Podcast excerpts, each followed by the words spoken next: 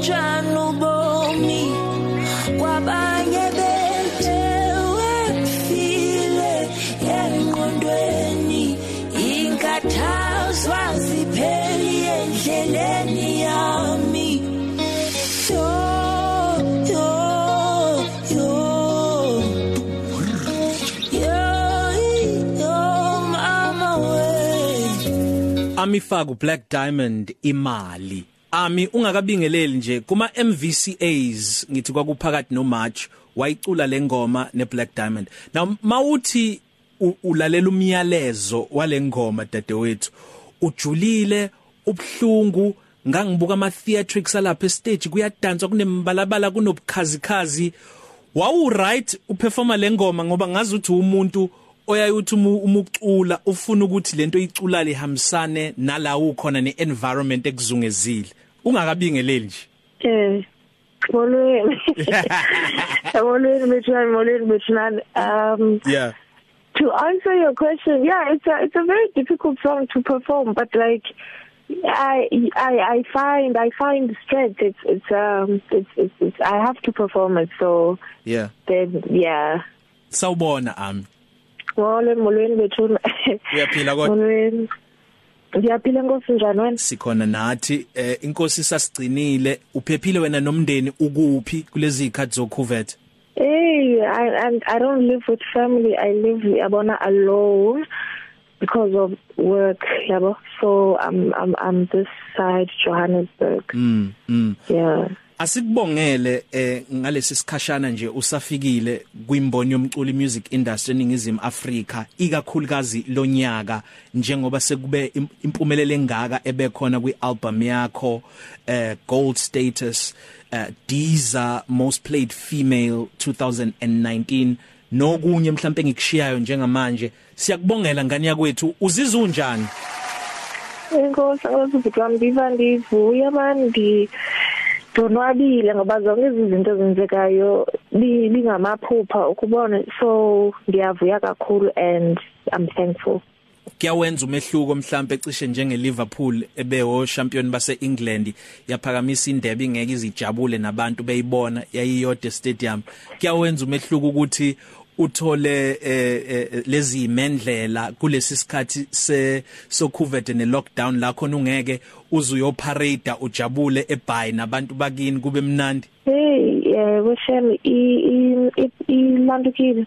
Iyenzile into le le COVID has affected you know the the entire process of bandi celebrate into yoba nominations ukubona it would have been nice to have a, a dinner with family but I I can't even do those things and yeah yeah so iyalimita great iyalimita kakhulu Yeah. but uh, but uh, we will see man we'll be we'll see we'll have to wait until izinto zibe back to normal mm. and then I can celebrate kakuhle Mm.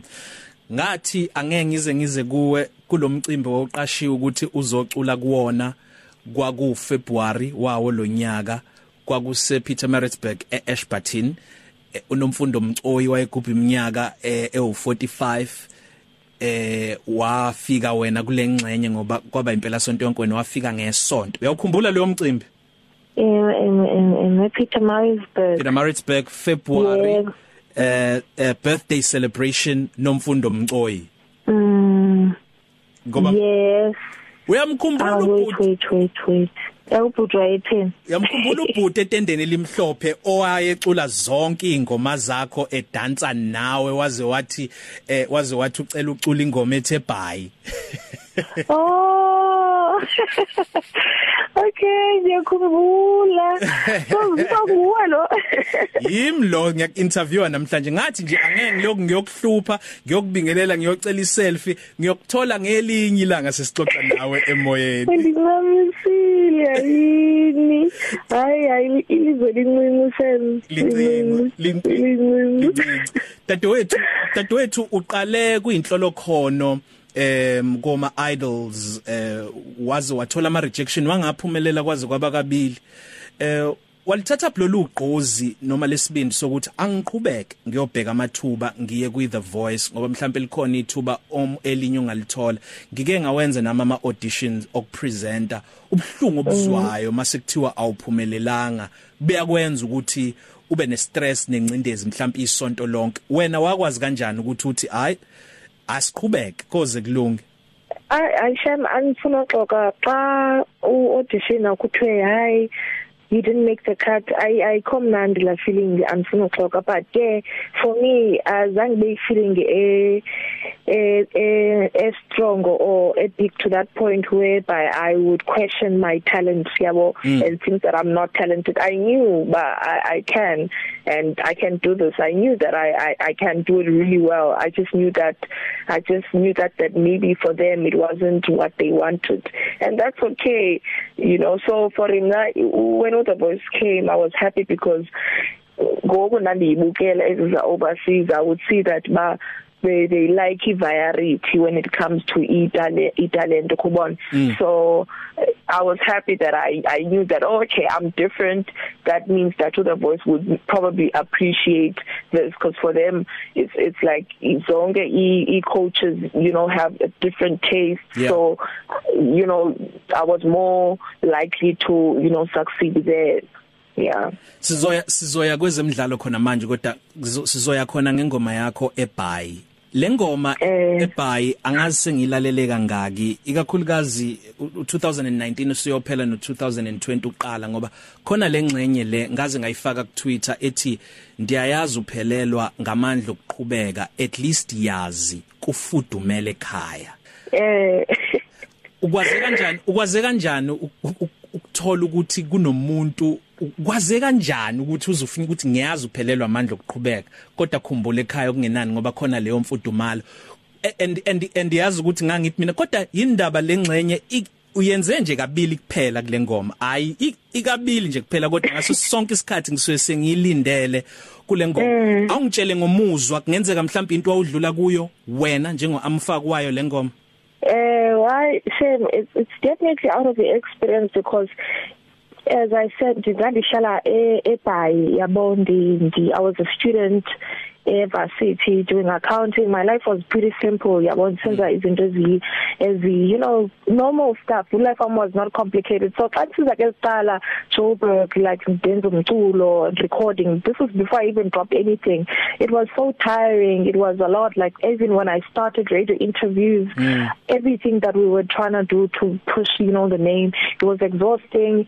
Kwafika nabantu of like oh xa ngikhwela itaxi kuthi hayibo bengaphuma eTV lo you know some mocking that you know the expectations mm. the you know ba uvele goli so unemali ngoku all of those things man were like overwhelming for me. But like every time I went home from Joburg I found a lot of strength from that. I, I found reason again of like why I should continue and push you know to to do music.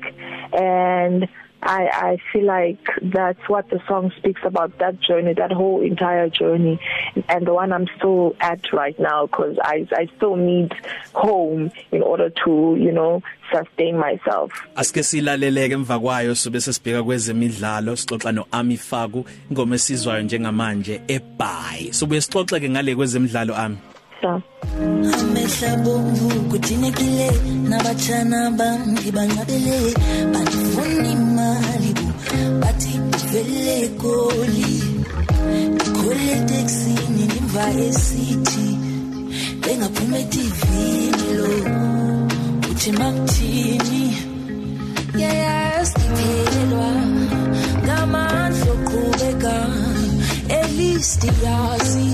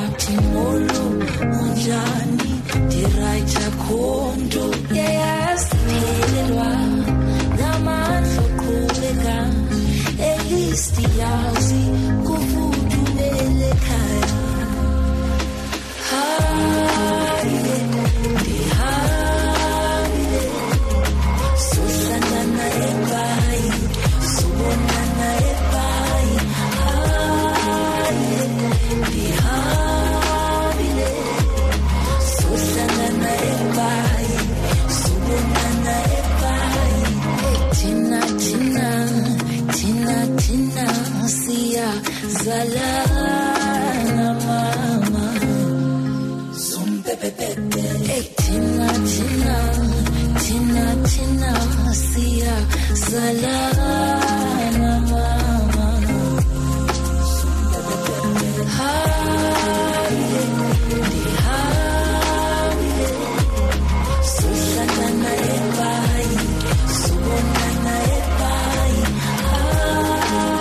Amifaku eBay sakazweni ukhozi FM usiyamhlongo umlalelo ohlelweni 12 to 3 cafe.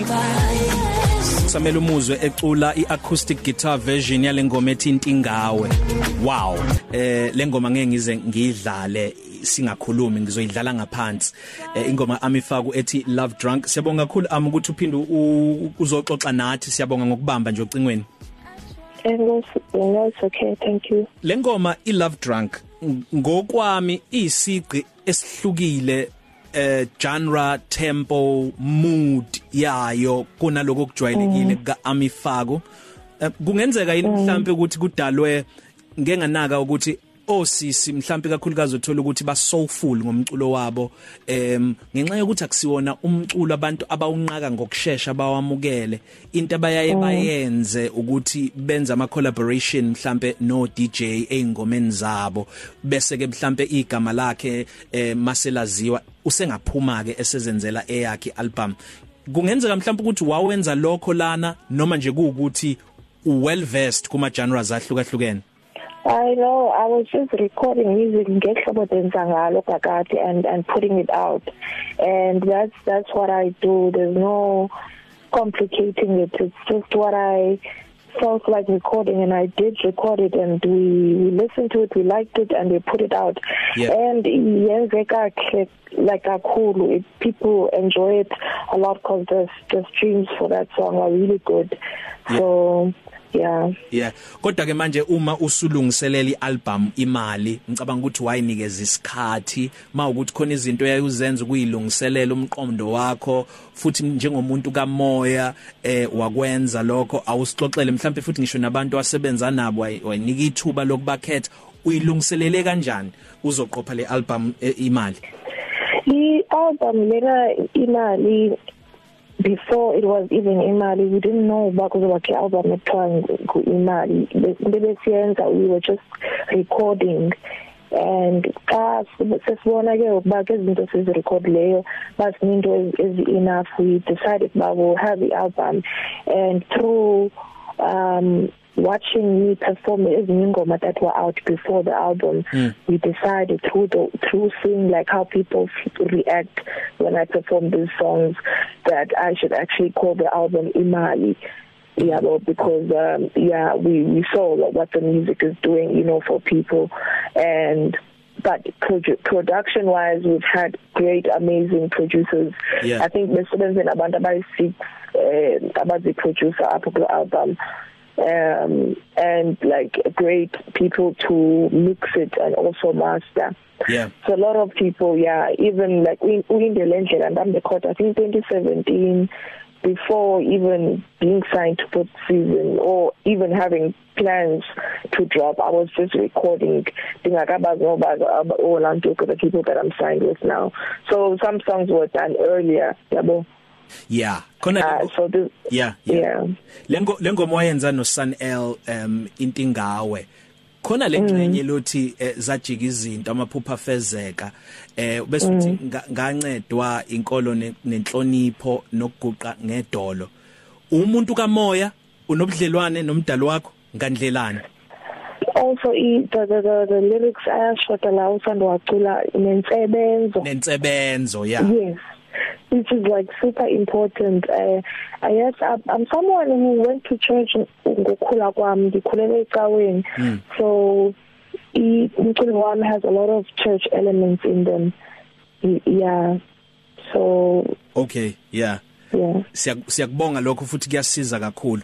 Ngi- ngiqala ukukubona ngiqala ukuhlangana nawe ngakubona ukuthi eh umncanyana ngomzimba ubhalile la usenzo zakhe wathi sengilinde ngabomvu isinqazo sesiphalaphala sesilenda esisho ngothotho lamazinyo ngifuna la mhlawumbe mhlawumbe komela ucabange mhlawumbe komela ucabange ngekwaZulu Natal eh mase mase Ay, mase ay. khuluma ngezothanda no ah guys yabo indlela akuchaza ngayo. Em ngiyaye ngizwe mina ng- ng- mangikhuluma abantu masebehlangana nami bethi hawu kanti uyingane enga encane kanjena uyabona?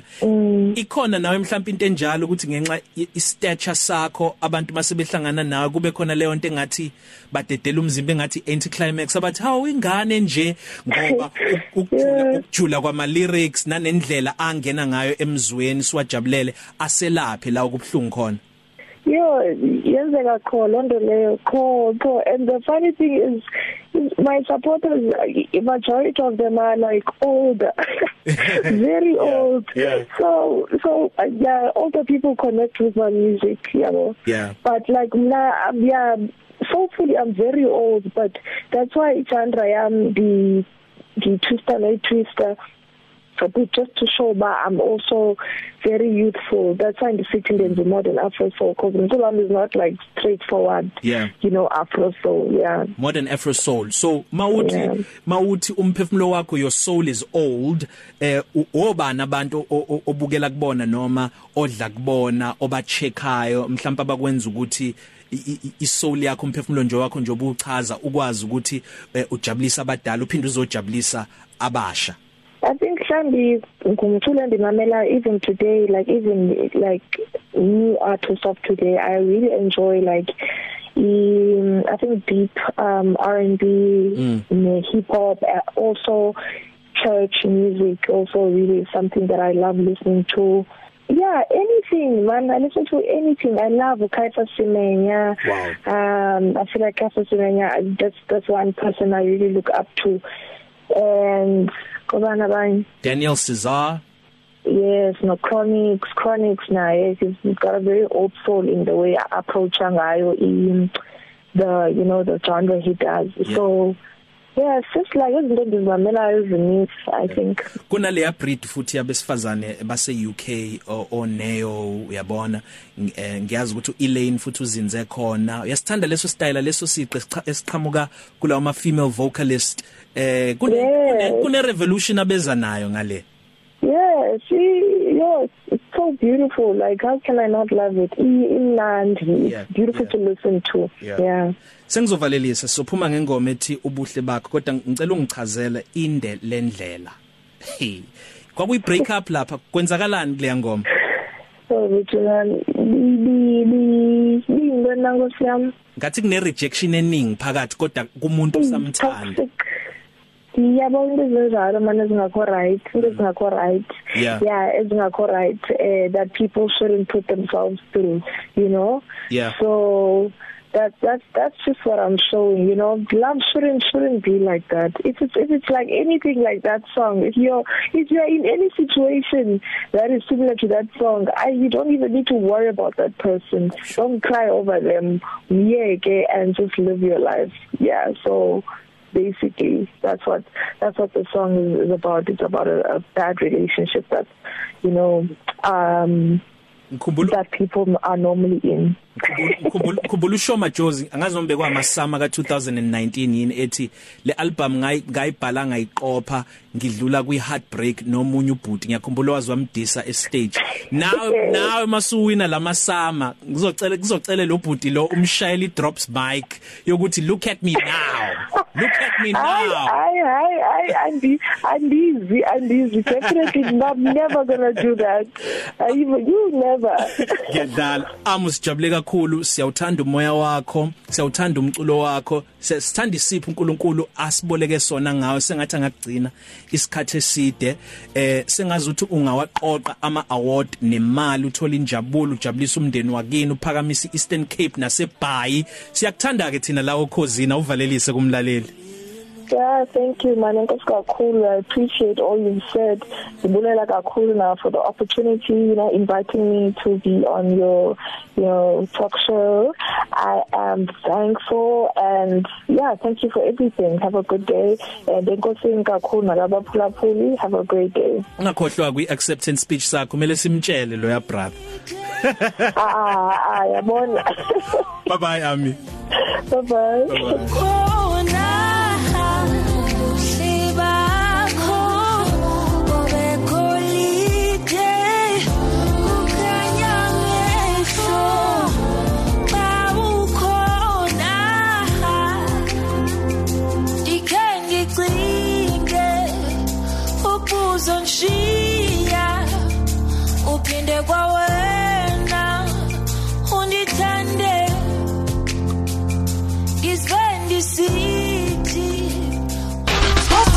Cafe.